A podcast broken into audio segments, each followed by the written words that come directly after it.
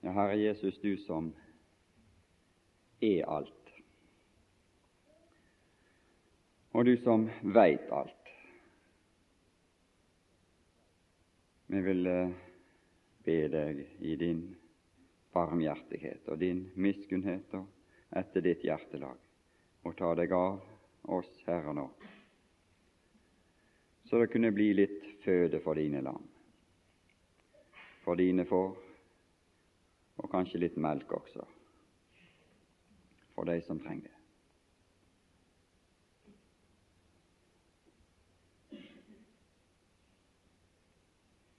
Ja, vi har lest i Johannes evangeliet stort sett.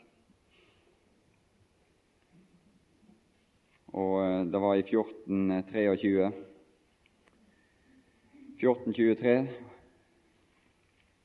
Jesus svarte og sa til ham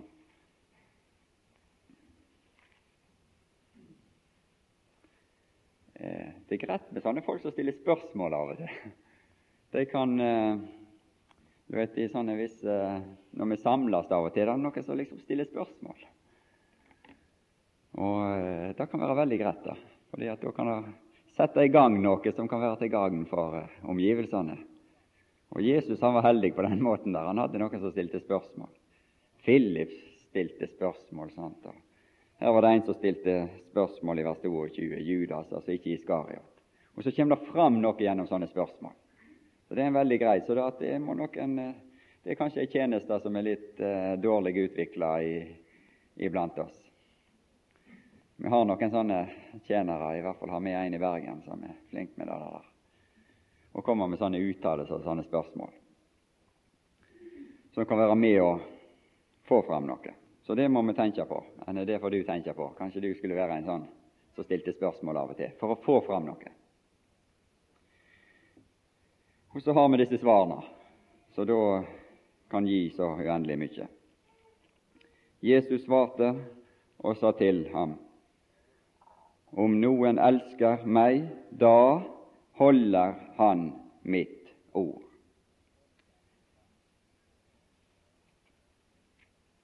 Han sa om sine i kapittel 17 og vers 6 at jeg har åpenbart ditt navn for de mennesker som du ga meg av verden, de var dine, og du gav meg dem, og de har holdt ditt ord.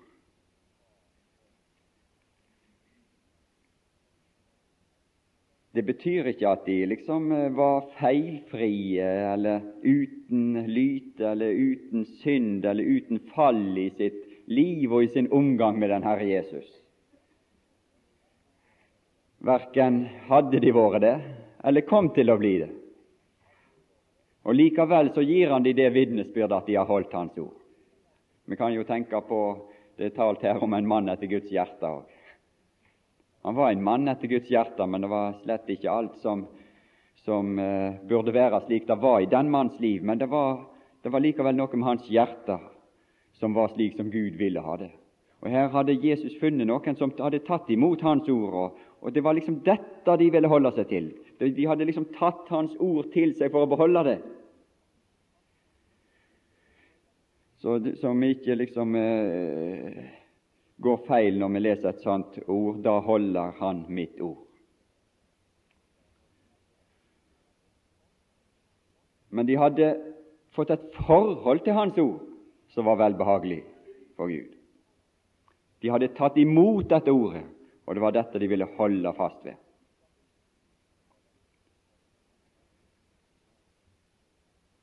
Du har det evige livsord. Det var det eneste de liksom hadde.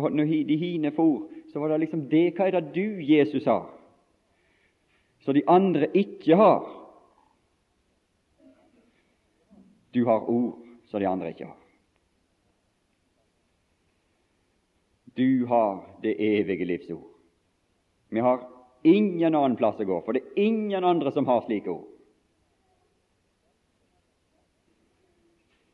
Og dette evige livsord det skapte tro, og det skapte viten i disse disipler og apostler. Og det samme ord det vil skape tro, og det vil skape viten og kunnskap og erfaring i våre liv når vi holder fast på det. Og erkjennelse du er Guds sønn. Du er Guds hellige. De fant, og de opplevde, og de erkjente, og de så i ordet det som fariseerne og de skriftlærde, som også leste ordet, men de fant ikke det samme som de i ordet. Dere ransaker Skriftene i kapittel 5, 39, fordi dere tenker at i dem har dere evig liv. Og det er de som vitner om meg. Og dere vil ikke komme til meg for å få liv.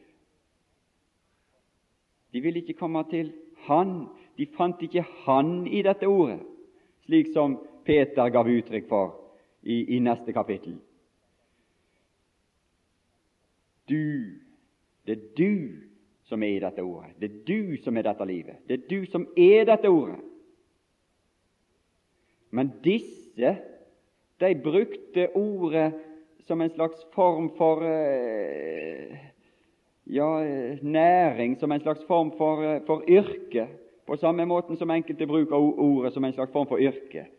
De, de, de kom inn i en egen klasse, de utgjorde en egen klasse, og så begynte de, står det i vers 4, å ta ære for hverandre. De er akkurat lik som det som de som de sier, som er så typisk i slike akademiske kretser. Hvis du skryter av meg, så skal jeg skryte av deg. Så er vi enige. Ja, du, du må snakke vel om min oppgave. Du må snakke vel om mitt arbeid. Og dette siste, denne siste skriftet, denne siste artikkelen som jeg skal, eh, har, har, lest. Skryt litt av den, så skal jeg skryte av ditt arbeid. Og så er vi med og jekker hverandre opp på den måten. Opp i gradene så vi får passe stillinger og posisjoner. Så Det, det, liksom, det, det, det universitetene og høgskolene sitt svar på det som skjer i, i, eh, i næringslivet, i de store, svære organisasjoner og institusjoner som vi har. Og Der sitter de styrene til hverandre, som vi kjenner til nå i disse dager, som er blitt så åpenbarte, og bevilger seg millioner til hverandre. Kom inn i denne sirkelen, og så bevilger jeg en million til deg, og så bevilger du en million til meg. Slik er det foregår. Og Det er gammelt nytt. Det er ikke noe nytt, disse greiene her, som, vi leser om og som er Det, det er det samme som Jesus sier i vers 44 her i Johannes 5. Det er av den samme art. Hvis du skryter av meg, så skryter jeg av deg. Og så Det hjelper å komme innenfor denne her indre sirkel. Komme seg innenfor der men han var ikke interessert i den slags ære.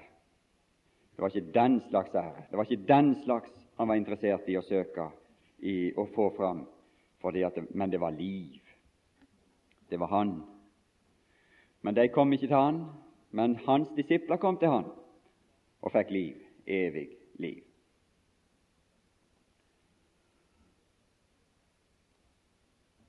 «14.23 igjen. Og min Fader skal elske ham, og vi skal komme til ham og ta bolig hos ham. Vi ser at der som Jesus gikk inn, i de husene der Jesus gikk inn, der fylte han disse hus med sitt. Han gikk inn til en Sakkeus, og det ble et nytt hus fra den dag han gikk inn. Og der han gikk inn, så, og der, der, der, der liksom, ble det fylt noe av han. Det ble forandring i det hus. Det ble forandring i de rom der han gikk inn, når han gikk inn i et hus. Og det kan bli forandring her.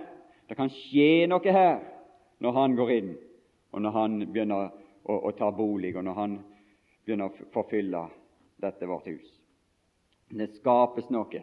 Det skaptes noe i, i, i Abraham den dagen da kom, disse tre menn kom, og de steg inn til han, og de satte seg ned der sammen med Abraham. Da ble en aktivitet. Det begynte å foregå noe i det, i det huset. Det skjedde ting i det huset, i Abrahams hus, når Herren kom og, og, og tok sin bolig der. Johan i terre, terre, Mamres Terrebintelund. Denne Herren som tar med seg sin herlighet full av nåde og sannhet, han evner å trenge enda til inn i hjertets innerste rom. Han sender også sin talsmann, står det her litt senere, for å bo her og for å gjøre, ha det samme vitnesbyrd. Han skal herliggjøre meg. Han skal ta av mitt, han skal herliggjøre meg, for at Kristus skal stå fram herlig i våre hjerter. Og alt dette som har med kjød og kjødets herlighet, så disse fariseerne søkte, der en driver og skryter av hverandre og, og jekker hverandre opp på den måten og tar ære av hverandre. Og liksom, er, er liksom sånn Hvordan bedømmer nå han meg? Hvordan bedømmer nå den meg? Så liksom det, det er dette en begynner å bli opptatt av. Det er ikke den slags ære, det er ikke den slags herlighet, men det er Herrens herlighet. Og, og denne Guds ånd evner til å herliggjøre Han og til å få kjødets herlighet holde det der nede, så, der, så det ikke blir noe herlighet igjen av det. Og dette ansvaret for vårt hus, det, der er det du, den enkelte, der er det jeg som har ansvar for mitt hus, der er det du som har ansvar for din, ditt hus. Hva du slipper inn der, og hva du lar dette huset bli fylt med. Om det er hans dyder som forkynnes der, så de kan bli mine dyder, dine dyder. Vi erfarer, både historien har lært oss, og dagliglivet har lært oss, og vår egen situasjon og våre egne omgivelser, vår egen samtid, har lært oss at, at uh, slike ting som har med det utvorte, slike ting som har med, med, med slike synlige ting, det skaper, det er det som skaper de store skiller iblant oss, også iblant Guds folk, men når sannheten kan komme inn i hjertets innerste, så har denne sannhet en virkning på våre hjerter, slik at det, den evner også å forene Guds folk i den sanne, i den egentlige, i den virkelige forening. Men det er i dette forhold vi da som sagt har ansvaret for vårt eget liv. Jeg så i, i avisa her da at eh, du kunne Ja, står det her. Det var en liten sånn annonse. Ja, jeg ønsker gratis abonnement på rikere liv. Ja, tenk hvis det var så enkelt at det var gratis. Det er bare å tegne et gratis abonnement på rikere liv. Det er ingen gratis abonnement på rikere liv. Det er en illusjon, det. Det må et arbeid til. Det må en, det må en, det må en bevissthet til. Det må, det må, det må noe til. Det er, no, det, det, er noe, noe, i vårt hus, det er et arbeid i vårt hus som må til for at dette skal kunne skje med oss et rikere liv. Jeg skal bare nevne så vidt litt grann, disse, disse, forskjellige ting som jeg bare som toucher så vidt, om disse her forskjellige ytre ting. Du ser vi mennesker vi er ganske like til alle tider. og vi jeg kjenner meg sånn igjen sjøl, og jeg kjenner igjen mine omgivelser slik når jeg leser gjennom Johannes evangeliet. Når jeg tenker på dette vitnet, Johannes døperen, som sto fram, og så sendte de, sendte de uh, utsendinger til han, og så spurte de hvem er du for en? De var opptatt med han. De var ikke så opptatt med det han sa. Men liksom, hvem er du for en? Hvem er han for en? Hvem er dette? Hvem er du? Og han, han, han forsøkte for, for tviler og få deres oppmerksomhet hen på han han forkynte, og bort ifra sin person, uten å lykkes. Han lykkes ikke i kapittel 1. Du kan lese fra vers 19 nedover. Han lykkes ikke. Det var denne voldsomme opptattheten med han. Og hva slags rettigheter har du? Du er jo ikke med i vårt parti, du. Du hører ikke med til vår gruppering, du. De var fariseere, står det i vers 24, de som var utsendt. De ønska ingen konkurrent. De ville ha monopol. De ville ha, de ville ha denne makt og innflytelse i folket. Og Johannes representerte en, en fare for dem og deres, deres kan du si, monopol, om du kan si, bruke et sånt uttrykk. Han var en inntrenger. De som var utsendt, var fariseere. De hørte til et parti, de. De kunne, de, de kunne være så lett å plassere i en bås. De hadde en trygg tilhørighet i, folk, i, i, i, ei gruppe. som hadde makt og innflytelse og hadde status iblant folket. Og så kom det en mann her og begynte å forkynne. Hvem er du for en? Hva slags rettigheter har du? Men det står i vers 6 at det framsto en mann, ikke utsendt av fariseerne, ikke utsendt av en organisasjon, ikke utsendt av noe samfunn, men utsendt fra Gud. Og det er utsendelse god nok, det. Det burde være utsendelse god nok. Og når han skal tale sin tjeneste, så sier han at han er en røst som roper ut Guds ord, det som profetene har talt, det som Esaias har sagt i, i kapittel 40. Det er det han gjør, det er det som er hans tjeneste. Det å rope ut, bare det som Gud har sagt, Guds ord har sagt, på en sånn måte at det skal herliggjøre Han som ikke kom etter Han, at det skal opphøye og herliggjøre Kristus, Jesus, Han som var før Han, men som kom etter Han inn i historien. Han skulle herliggjøre Han, og alt som har med kjød og kjøds bygninger og oppbygning iblant mennesker, det skulle, skulle, skulle brytes ned ved denne hans forkynnelse. Det var hans oppgave, det var hans tjenester. Det var slik han sa om seg sjøl i vers 23. Men de greide ikke å forholde seg til det. Og vi greier, har så veldig veldig vanskelig å forholde oss til, til slike ting. For vi trenger denne her tilhørigheten til leil. Etter vi må kunne definere disse folkene som vi har med å gjøre.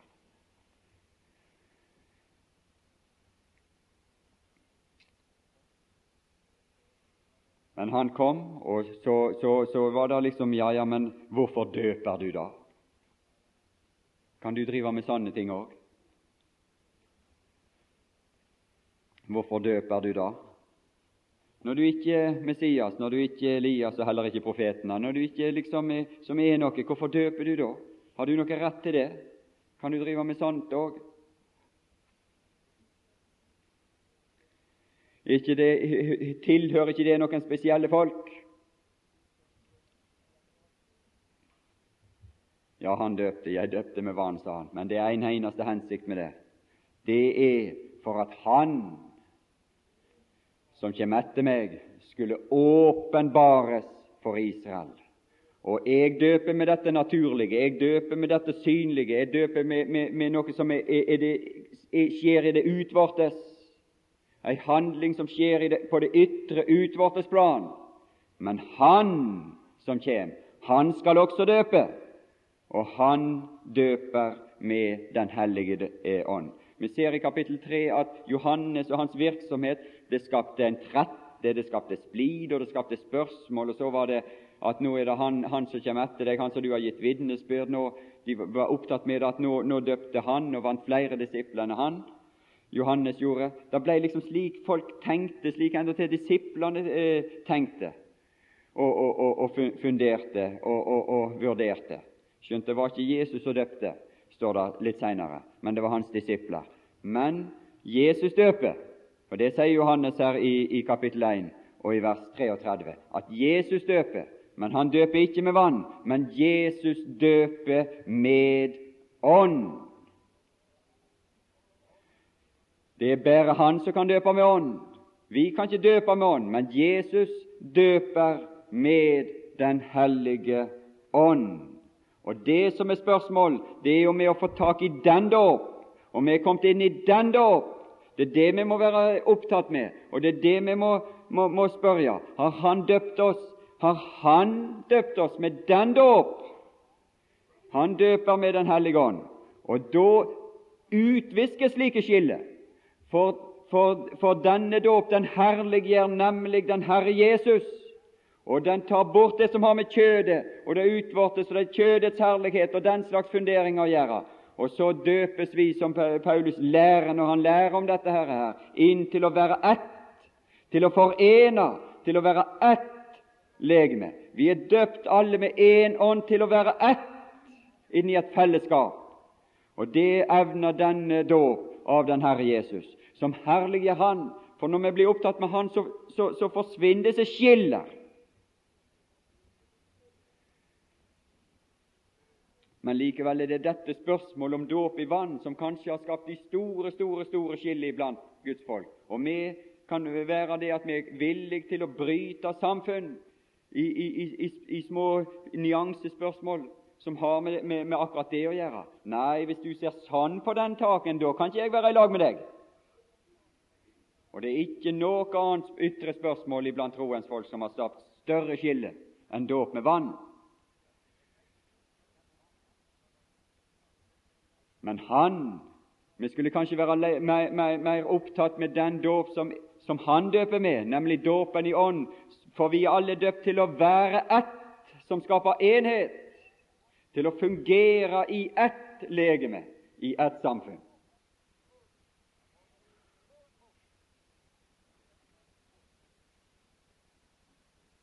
For i dette, dette ene samfunnet så er, det, så er det bare Han og Hans herlighet som teller. Da er Han alt. Da er Kristus alt i det forhold.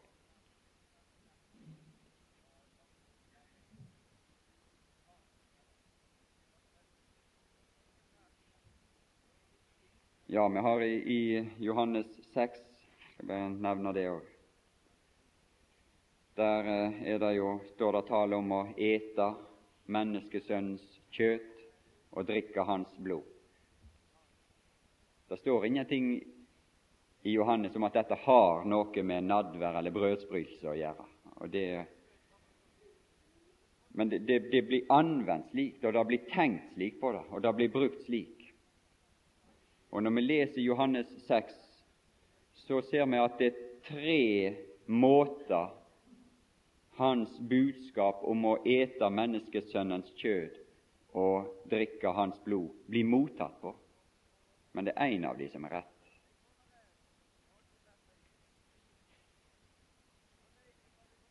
I vers 51 står det:" Jeg er det levende brød som er kommet ned fra himmelen. Om noen eter av dette brød, skal han leve evinnelig. Og det brød jeg vil gi, er mitt kjød, som jeg vil gi for verdens liv.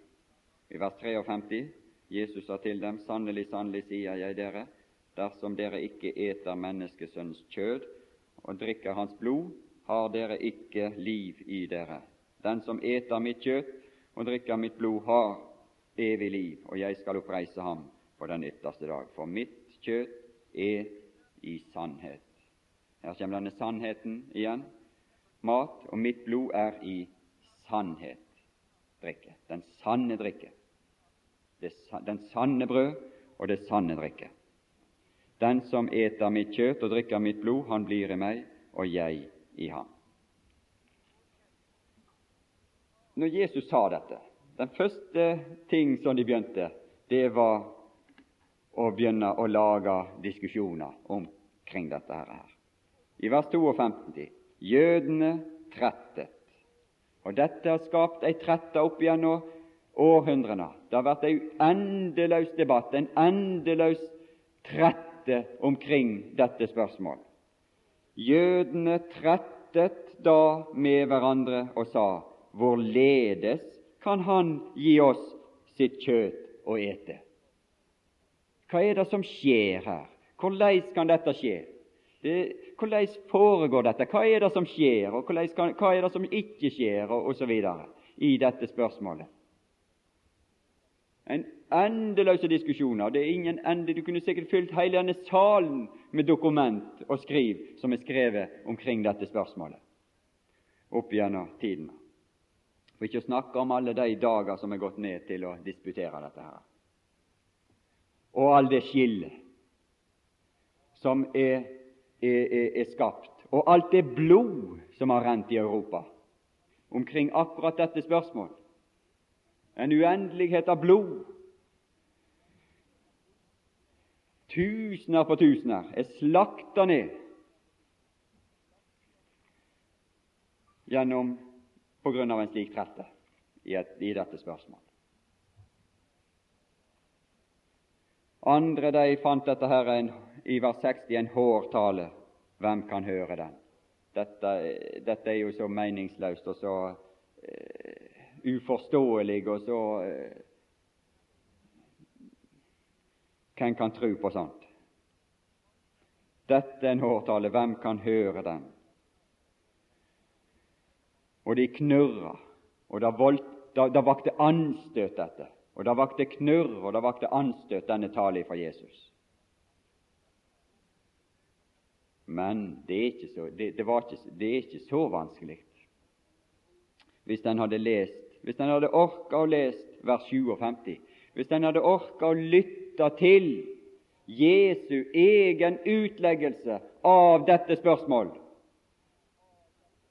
likesom for han fører inn en sammenligning. I dette spørsmål så fører han inn en sammenligning. Han sammenligner dette som han har sagt om å ete hans kjøtt og drikke hans blod, så sammenligner han med det med noe i hans eget liv, i hans eget forhold. Like som den levende Fader har utsendt meg, og jeg lever ved Faderen. Hvordan levde han med Faderen? Dette skulle anspore oss til å studere og finne ut av hvordan han levde med Faderen, levde ved Faderen. Og så får vi svar på spørsmålet hvordan vi lever ved å ete hans kjøtt og drikke hans blod. For det er den samme art, det er det samme forhold. Det forhold han sto i til Faderen, det forholdet skal vi stå i til Sønnen. Således, sier han, således skal også den som eter meg, leve ved meg. Det er på den måten. Ja, har du en mat? Ja, jeg har en mat ovenifra. Han var trøtt av reisen, og han var sulten, står det i, i kapittel 4. Men når de kom der, så så de han fullt opptatt og i aktivitet og i vigør til Og han sa det at 'jeg har en mat som det ikke veit om'. Det er det som er problemet. Vi forstår ikke disse ting. Vi greide ikke å innta disse ting. Det som han nærte seg med. Og Så, så sto de der, der, på avstand liksom på undring og betrakta dette, her, men så begynte han å, å tale om det. Min mat, det er å gjøre Hans vilje, som har sendt meg. Det å innta i mitt liv Hans ord, som åpenbarer Hans vilje for meg, og gå inn i dette ordet og holde meg til dette ordet. Det er det det dreier seg om. Og Vi ser disse profetene i, gamle, i den gamle pakt. Når, når, når, Gud skulle liksom klargjøre dette her for dem, at de levde ved Hans ord, så måtte de endatil ete de bokrullene som Guds ord var skrevet på. Rent bokstavelig. Både Jeremias, og du ser det i Esekiel 2, når det blir skrevet på begge sider her, så, sa, så sier Gud til han ta dette, et det. Og i kapittel 3 i Esekiel så ser vi hvordan han åt dette her, og det var søtt i hans munn, og hvordan disse, denne, denne mat trengte inn i hans inn og ut i hans innvoller, står det. Det trengte ned og inn i hans innerste liv. Og han ble forent med dette, og hans indre liv hans innvortes menneske, blei oppbygd og blei fylt med det ordet som han åt. Det blei en del av hans innvortes menneske. Og så sa Gud han, nå skal du begynne å tale disse ordene, nå skal du begynne å virke blant folket. Og han fikk beskjed om å gå til et folk uten vanskelig tungemål. Han fikk beskjed om å tale på sitt eget mål, til tross for at de ikke skulle ta imot. Til tross for at det var barna med de hårde hjerter og de frekke ansikter, og, at, og, og, til tross for at folket ikke ville ta imot, så var hans utsendelse var ikke til, til folk med et vanskelig språk.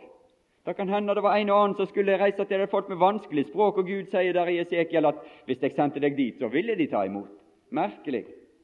Merkelig at Gud sendte Esekiel til et folk med, med, med, som er et språk som han kunne, som var hans barnemål som var hans eh, talemål som han var født og oppvoksen i. Og de ville ikke ta imot, men han skulle likevel være hans utsendelse der til dette folk. Mens andre har utsendelser til det andre folk og må streve i årevis for å lære seg et språk for å tale. Et vanskelig tungemål, så det står litt senere der i, i, i Esekiel. Om han hadde sendt de der, ja, de kan hende de tok imot. Så ville de ta imot. Og det, det, var jo greit, det er jo, det er jo greit, og det er fint om noen reiser også dit og tar på seg den møye. Det er å lære seg et vanskelig tungemål.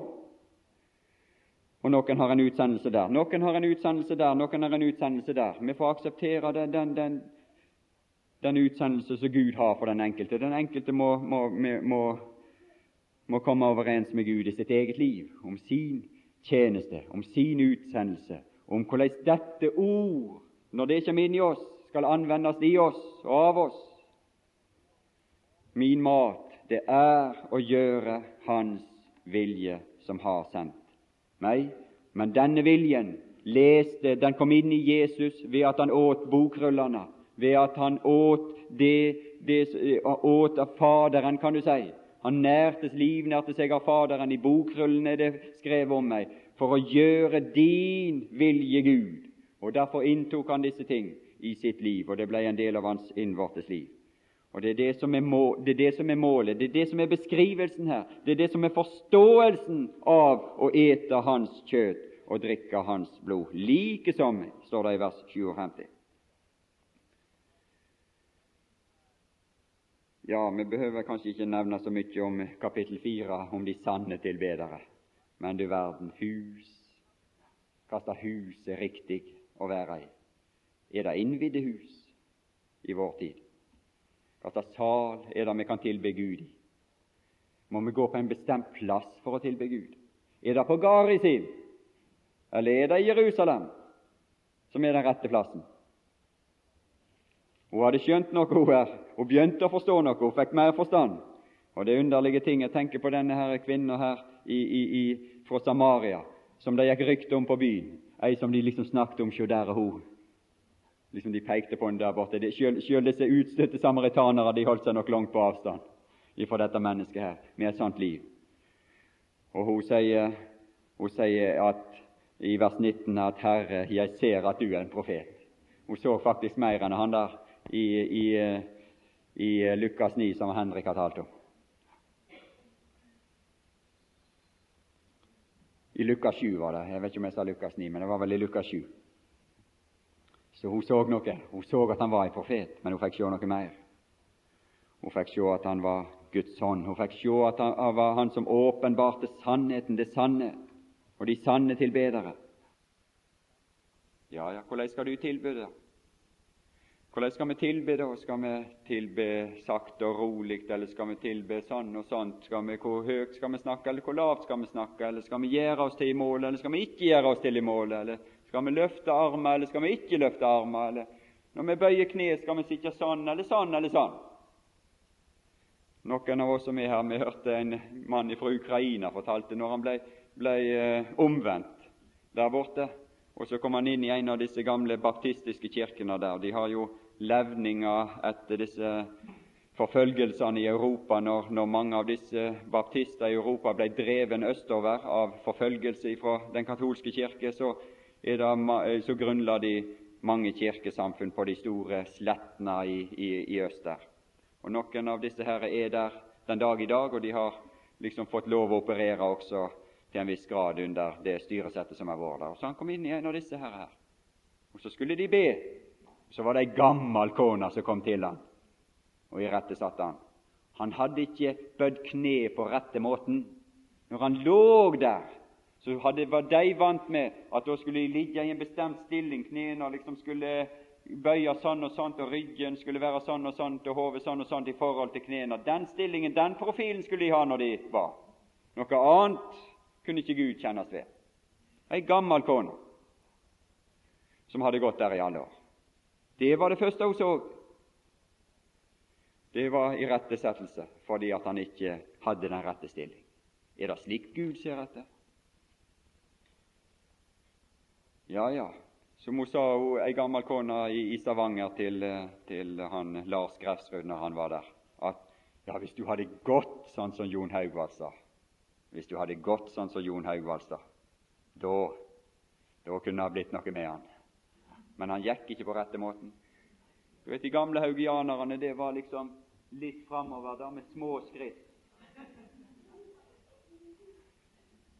Og så, og så pisten stemme for bedehusen, og de sa om kjødet, og de snakket om sin elendighet osv. Så er det sant Gud ser etter? Men vi ser at vi er sånn med. Og lager vi ikke den ene fasongen, så blir det den andre fasongen. Det er ikke slik her. I Johannes 4. De sanne tilbedere. Gud ånd. Spørsmålet er om Gud, Herren, blir herliggjort, om det er Herren som står for oss, om det er Hans storhet, så greier vi vel å se til sides ved slike ting. Noen de må gjøre grimaser i ansiktet sånn. Det, det liksom En legger seg til forskjellige sånne ting, og så tror en at det er åndelig hvis de gjør sånn. Tror du Gud ser på de grimasene og, og blir imponert? Jeg tror ikke det. Men vi får akseptere at vi er sånn. Vi, vi legger oss til forskjellige ting. Vi har forskjellige måter, vi legger oss til forskjellige masker. Helst skulle vi prøve å unngå å ha noen masker. Vi skulle i grunnen være slik som vi er overfor Gud. For Han ser jo slik vi er uansett. Du veit alt, du, sa Peter. Han, prøvde, han behøvde ikke prøve å lage seg til med noe. Herre, du veit alt.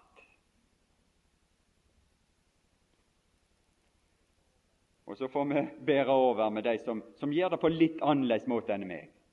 Hvis de vil be på en litt annen måte, hvis de vil stå på en litt annen måte, hvis de vil bøye kne på en litt annen måte enn meg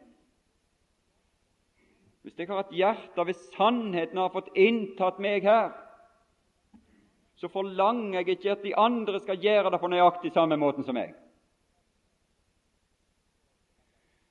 Og så får heller ikke de andre forlange at jeg skal gjøre det på samme måten som deg.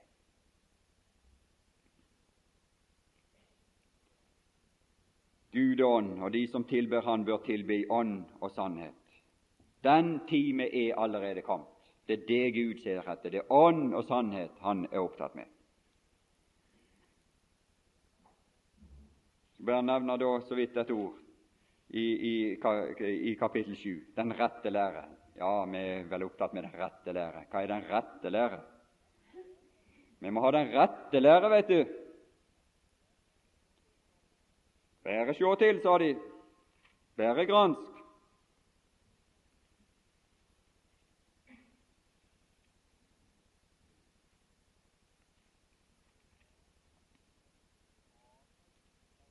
Har vel nå, har også dere latt dere dåre, sa, sa fariseerne til dem i kapittel 7 vers 47. Har, har også dere latt dere dåre? Har vel noen av rådsherrene trodd på ham, eller noen av fariseerne? Men denne hop som ikke kjenner loven, de som ikke kjenner denne lære, de som ikke kjenner det som vi står for, er forbannet. Vi forbanner. Vi forbanner de som ikke tror og lærer det samme som oss. Det var det de gjorde. Og det har gått i arv oppover. Og det finner vi Den samme ånd finner vi igjen i forskjellige skrifter oppover i, menighetens historie, som er med å skape skillet og som er med å stenge, for det egentlige, og som er med å, å, å, å, bryte ned for det som Herren er interessert i å, få tak i. Og Her var det en som liksom forsiktig prøvde å si litt imot dem, og som ble avfeid. Kanskje du også er fra Galilea? Kanskje du òg hører med til dette her eh, utafor der nord, der oppe? Denne, her, eh, denne plassen som ikke akter på, som ikke kan vente noe ifra, disse ulærde folkene oppe fra Galilea. Kanskje du også er fra Galilea. Ransak, så skal du se at ingen profet kommer fra Galilea. Og så gikk de hver til sitt. Men Jesus hadde tidligere i dette kapittel 7 talt om lære. Om lære. Og han taler om den lære som forener han. Og det som er karakteristisk for den lære som forener, det er at den opphøyer Herren, den søker Hans herlighet. Og hvis du er interessert i en rette lære, så er det en lære som søker Herrens herlighet og opphøyelse. Det sier han her midt i kapittel 7. Når de, Han gikk opp i tempelet i vers 14 og lærte. Og Jødene undret seg da og sa hvor har han sin lærdom fra, han som ikke er opplært, han som ikke er gått på skole, han som ikke er gått på i vår krets, han som ikke er opplært med Gamaliels føtter, han som ikke er gått liksom i disse anstalter som vi har, har, har uh, satt opp for å lære opp folket, og våre, de, de, som skal liksom innta disse posisjoner. Hvor er han sin lære ifra, han som ikke er opplært? Jesus svarte dem og sa, Min lære er ikke min, men Hans som har sendt meg. Vil noen gjøre Hans vilje, da skal han kjenne, forstå, vite og skjønne om læren er av Gud, eller om jeg taler av meg selv. Den som taler av seg selv, søker sin egen ære. Hvis det er slik at det er meg og mitt og det jeg står for, det skal liksom opphøyes, at det er min posisjon, at det er vår posisjon, vårt parti, vår tilhørighet, min tilhørighets liksom posisjon og stand og stilling som skal opphøyes, og at vi søker den, så er det ikke av den rette art. Men den som søker Hans ære som har sendt ham, den som søker Jesus søkte Faderens ære, og Jesus som sendte oss, vi må søke Hans ære. Det må være ei lære som bringer oss i kontakt med Hans herlighet, og som bringer fram Hans herlighet, og som får oss til å søke Hans herlighet. Han er sannere. Det er den sanne. Det er den rette lære. Det er det vi får prøve ting på. Om det bevirker det, der Han er alt. Der Han er alt. Og Da kan det skapes noe av forening òg iblant oss. Disse ting som vi har talt om, det er liksom vår person individuelt det taler om. Det som vi inntar i vårt hus som individ, hver for oss. Men Jesus vil jo føre disse sammen i en enhet, i et fellesskap. Hensikt med disse her er, Dette er for å føre oss inn i en enhet og i et fellesskap, og for at vi skal fungere med, eh, eh, overfor hverandre. Og Han, han fører de fram til en jord i kapittel 10 og vers 16.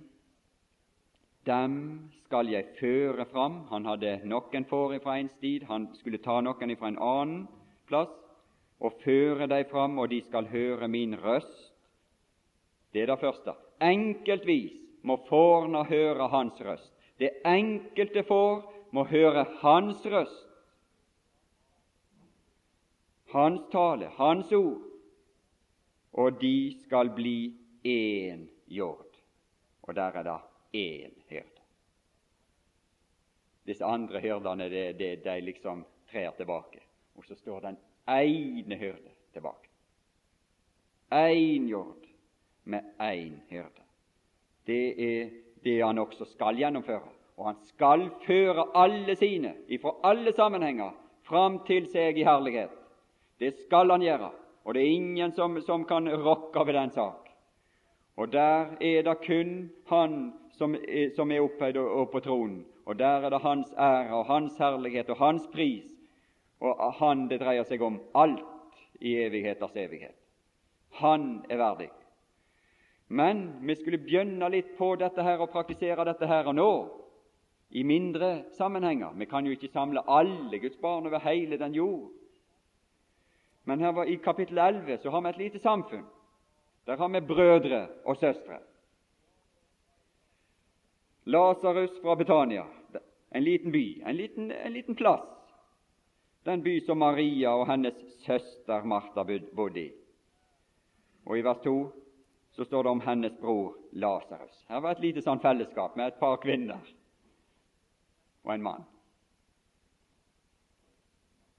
Ja, de var nokså forskjellige, disse her folkene her. Og Martha og Maria vet vi litt om. Lazarus han, han, ser ut til å være litt mer anonym. Men disse damene de var ikke så veldig anonyme.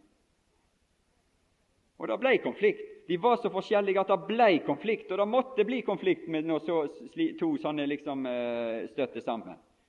For Martha, det måtte skje noe. Her må skje noe, her må arrangeres noe, her må, må foretas noe, her må dekkes opp, og her må, må, må skje ting. Det, er slik det må være. Og det er en enormt fin egenskap å ha denne her, dette skapende, og ha dette, dette, dette liksom med å, å, kunne skape noe. Men så var det hun andre som holdt seg der ved Jesu føtter, og som begynte å utøse sine ting over Jesus, og som, som utøste sin salve der. Men hun hadde, hun hadde en gjerning der, og hele, hele rommet ble fylt med hennes salve. Men det er klart at det var ikke så enkelt å forene disse to søstre i et fellesskap og til å fungere sammen. Og Jesus måtte ta seg av det, og Jesus måtte tale. og det, vi, vi, vi, når, når, vi, har disse problemene her, For vi har de samme problemene som disse to søstre hadde. Og det støtes liksom noe sammen, og det blir kritikk.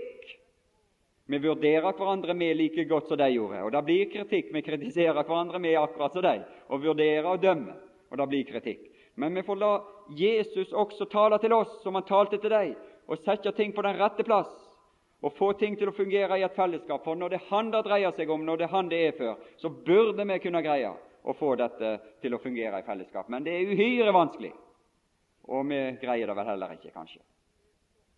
Men vi burde i hvert fall anstrenge oss så langt det er mulig. Men vi må respektere og vi må anerkjenne også de valg og den bedømmelse som han har gjort. Maria har valgt den gode delen, som ikke skal tas ifra henne, selv om hun blir kritisert for det, selv om hun blir hagla med kritikk nedover henne for den eh, stilling hun inntok, fordi at det var liksom for passivt av det.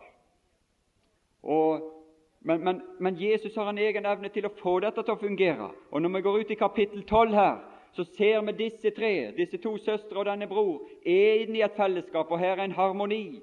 Og her er noe som fungerer både innad og utad. Og det fungerer på en sånn måte at det er med å skape rykte i omgivelsene. Det er med å skape noe sånn at vi må gå opp og se hva dette er som er hendt, for det, det, det, det, er jo noen veldige ting oppi det hus. Og Martha gikk til hånde, og Maria tok et pund ekte såre kostelig nardusalve. Men den situasjonen som inntrår her i kapittel 11, det er at broren dør. Eller som Jesus sier, med et rettere inntrykk, han sovner inn. Nå er det to måter å se på dette på, og jeg tror vi kan se på denne beretning her fra begge de synspunkt. Hvis vi leser jo Paulus, så er det to måter han bruker ordet å sove på i forbindelse med de troende. I 1. Tessalonikerbrev 4 så er det den ene måten. Det er når en troende dør, han sovner inn. Og i den forbindelse så er det sorg. Og her var sorg i dette hus, og Jesus deltok i den sorgen. Jesus gråt, står det her. Og de sa, Se hvor han elsket han. En av de som Jesus elsket, hadde sovna inn, og Jesus deltok i sorgen. Han gråter med de gråtende, kan du være sikker på han gjør. Hvis du slipper han inn i huset, og en bror dør, en kjær bror dør, og sovner inn, så er han i stand til å delta med gråt. Og vi burde være i stand til å delta og sørge med de sørgende og gråte med de gråtende. Men han hadde et budskap her. Han hadde sagt noe til disse for at deres sorg ikke skulle være så de som ikke har håp. Han skapte håp om oppstandelse. Han skapte håp om evig liv. Han sa de lever. Den som lever og tror på meg, han skal aldri i evighet dø. Tror du dette? Ja, det trodde hun. Og det kunne hun trøste seg på. Og det står om ord der i, i Thessalonika, 1. Tessalonika 4 så står det om ord trøsta hverandre med disse ord. Det er gitt ord til trøst i en sånn situasjon. Men i Efeserbrevet 5 jeg har ikke tid til å referere det, bare, bare si kort, så er det også troende som har sovna inn, for de søv. Det er noen troende som søv, men de søv ikke på den måten de er, blant de, døde, de, de er liksom fått en, en posisjon på en, måte, på en, måte, som blant de døde. Men det var ikke meninga at de skulle være der.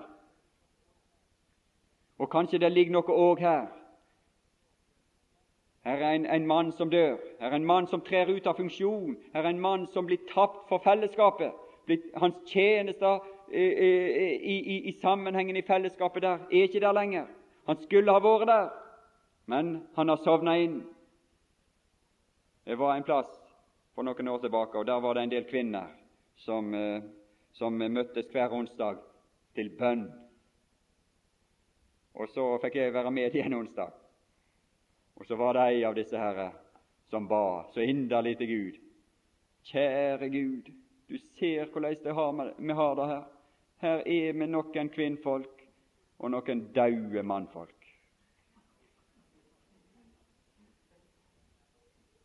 Det var nesten så det kunne være her i Betania.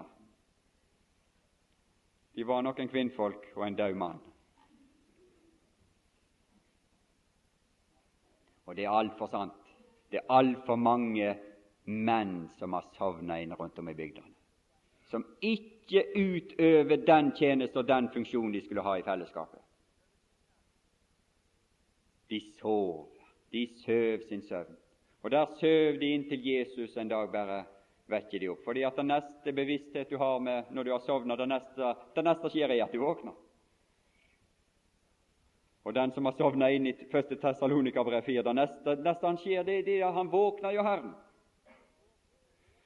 Men det var noe som skulle våkne før det tidspunktet. Våkn opp, du som sover, står det i Efeserbrevet 5. Det er det samme rop som lyder der. Våkn opp, du som sover, og Kristus stå opp ifra de døde. Gå ut ifra de døde, og Kristus skal lyse for deg. Og det skjer her også. Lasarus blir vekt opp. Den, han som hadde sovna ut, for å være sammen med deg i fellesskapet. Og vi finner til bords i kapittel 12. Så finner vi han til bords sammen med den Herre Jesus. Og hans oppstandelse, hans våkning til liv, det vekker oppsikt i omgivelsene. Kanskje det var noen menn rundt om som skulle våkne til liv igjen på en sånn måte at naboen begynte å spørre hva i alle dager som har skjedd med han. Hva er det som er skjedd borti det huset nå? De har jo våkna til liv. Dette må vi liksom få litt mer rede på. Og så vakte det oppsikt og så vakte det noe tiltrekning. De måtte undersøke litt dette, hva som hadde skjedd med denne mannen som var våkna til liv igjen. Våkn opp, du som sover! Det trengs jammen lydast i våre dager. For det er så mange menn som de nok bekjenner troen, de er Jesus sine, men de trenger å våkne opp og begynne å fungere til liv og i et fellesskap og være noe. Og være noe for, også for, for, for de kvinner som er rundt dem. Jeg har sett noe av det. det. Det, er mulig, selv for gamle folk er det mulig å våkne opp. Men de må våkne opp ved et ord ifra Herren. De må våkne opp ved, ved at Han framfører sitt ord. I, i, Timoteus, I andre Timoteus så er det noe som er utslått hos Timoteus. Det er noe som har dødd ut. Og så kommer det en tjener, Paulus, til han med ord, med kjærlighets og sindighets og krafts ånd. Og se her i Johannes 11 eh, når du leser ned ifra, eh, midt ned der når, når Jesus går, går, til verket her i, i, i vers 40-41. Se den rolighet, se den sindighet, se den kjærlighet som utvises i dette kapittel, se den kraft som utvises når han roper Lasarus, når han henvender seg til Herren. Han takker Fader, jeg takker deg fordi du alt du har hørt meg. Jeg visste jo at du alltid hører meg, men for folkets skyld som står omkring, sa jeg det, for at de skal tro at du har utsendt meg. Og da han hadde sagt dette, ropte han med høy røst. Våkne opp, du som sover! Stå opp fra de døde, og jeg skal lyse for deg. Og Det ser vi i 1. Timoteus, 2. Timoteus 1, når Paulus går til verket der. Og så fører han, står det i, i, i vers 10, etter at han har talt om Timoteus, om det som var utdødd i han, og sa at det skal, må vekkes opp igjen deg, dette. Det er noe som må vekkes opp igjen, som må tennes opp i deg igjen til Timoteus. Hvordan kan det skje? Ja, han Da begynner å tale om Herrens vitnesbyrd, om evangeliet i Guds kraft, om frelse, om den nåde som er oss gitt i Kristus fra evige tider, men nå er åpenbaret ved vår Frelser Jesu Kristi åpenbarelse, Han som tilintetgjorde døden og førte liv og uforgjengelighet fram for lyset ved evangeliet. Det er det vi ser. Jesus fører liv fram for lyset. Han fører det fram. Han vekker opp det døde, vi som var døde. Han tilintetgjorde døden og førte liv og uforgjengelighet fram for lyset ved evangeliet. For dette, til dette, det er dette arbeidet jeg har. Til dette har er jeg satt til forkynner og apostel og lærer for hedninger. Derfor lider jeg også dette. dette. Derfor var han villig å ta på seg alle omkostninger omkring dette her, for å være i denne tjeneste, i dette arbeidet, og føre liv og uforgjengelighet fram for lyset ved evangeliet. Og Det er det vi ser her. Lasarus kom ut, og så ser vi at, at dette, dette her fungerer i et harmonisk fellesskap i kapittel 12. Kanskje det var en eller annen mann Kanskje det var en eller annen mann, om ikke, kanskje enten han er her i salen eller om, om i våre sammenhenger, som vi skulle få være med og få være ved og vekke opp og si at nå du, du, må, du, du, må, begynne å fungere, du må begynne å innta ordet, du må begynne å innta den Herre Jesus, slik at du kan fungere til glede for både deg sjøl og dine omgivelser. Våkne til liv. Vekk opp at det som er utslått i deg, vekkes opp, og at, at du ikke ligger der og søv inntil Herren henter deg men du er, du er med i fellesskapet omkring den Herre Jesus. Set att med den Herre Jesus. Så det kan gå rykte om deg på bygda. Hva er det som er skjedd med deg? Herre Jesus.